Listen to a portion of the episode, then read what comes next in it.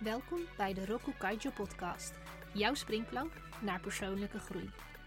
Mijn naam is Marianne Reinen. Ik ben jouw host tijdens deze reis. In de vorige aflevering stonden we stil bij de valkuilen van time management.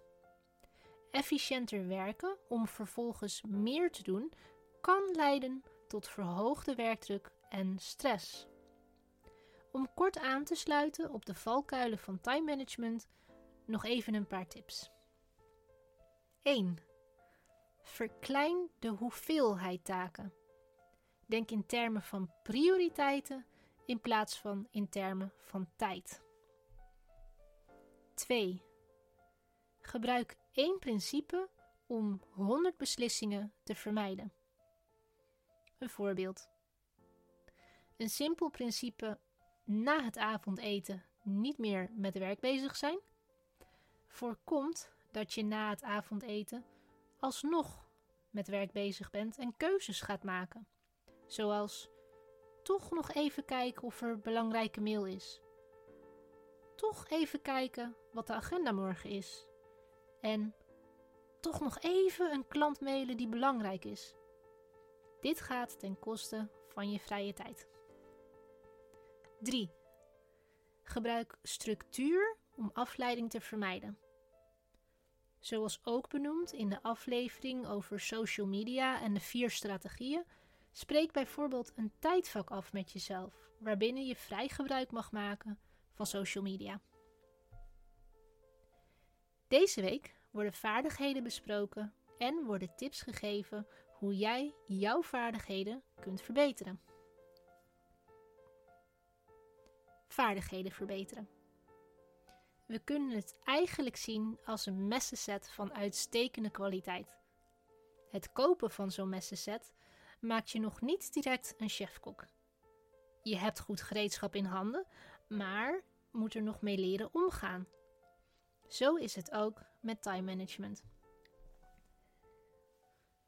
Welke vaardigheden heb je nodig om bepaalde tools op de juiste manier toe te passen?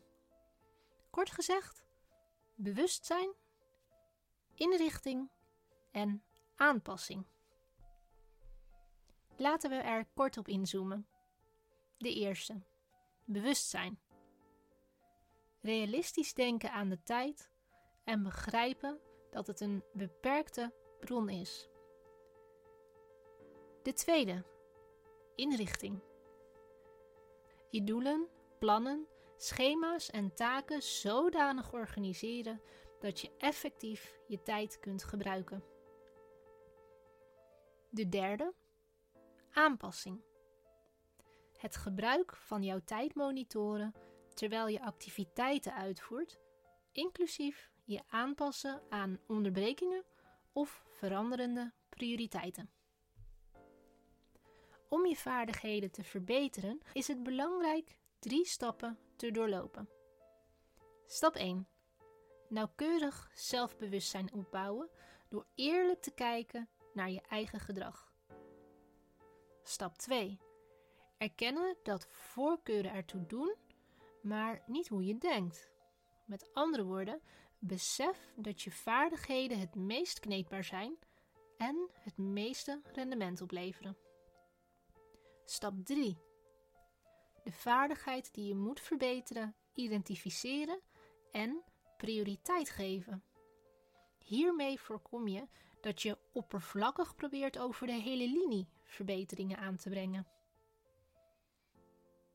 Dat klinkt helder, maar hoe geef je hier een praktische draai aan? Per vaardigheid twee voorbeelden. Vaardigheid 1. Hoe ontwikkel je vaardigheden op het gebied van bewustzijn? Achterhaal welk deel van de dag voor jou het meest productief is, jouw piek. En voorkom verzonken kosten. Neem een stap terug en analyseer een taak als jij het gevoel hebt dat je er te veel tijd aan kwijt bent. Vaardigheid 2. Hoe ontwikkel je vaardigheden op het gebied van inrichting? Stel prioriteiten als het gaat om activiteiten en verplichtingen. En Plan beschermde tijd in, waarin je niet gestoord mag worden en je volledig op een belangrijke taak kunt concentreren. Vaardigheid 3. Hoe ontwikkel je vaardigheden op het gebied van aanpassing? Probeer gewoonten te stapelen. Koppel jouw time management gedrag aan gedrag dat je al vertoont. Bijvoorbeeld, analyseer na het avondeten het verloop van je dag. En gebruik sprints in het geval van een moeilijke taak. Probeer door middel van intervallen van 15 tot 30 minuten volledig inspanning te leveren om zo stapsgewijs vooruit te komen en uitstelgedrag tegen te gaan. Zoals eerder gezegd, time management bestaat niet uit trucjes. Het gaat uiteindelijk om vaardigheden die tot gedragsverandering leiden. Roku Kaijo's weektip. Vraag jezelf af aan welke vaardigheid jij het meest moet werken. Probeer daarna de voor die vaardigheid genoemde twee suggesties uit. Ben je benieuwd naar meer manieren om aan je vaardigheden te werken? Of wil je hulp bij het ontwikkelen van een vaardigheid? Neem dan contact met me op. Mijn contactinformatie vind je in de beschrijving van deze aflevering. Bedankt voor het luisteren naar de Roku Kaijo podcast. Schakel elke donderdag in voor een nieuwe aflevering. Meer informatie en het laatste nieuws vind je op de website roku-kaijo.com.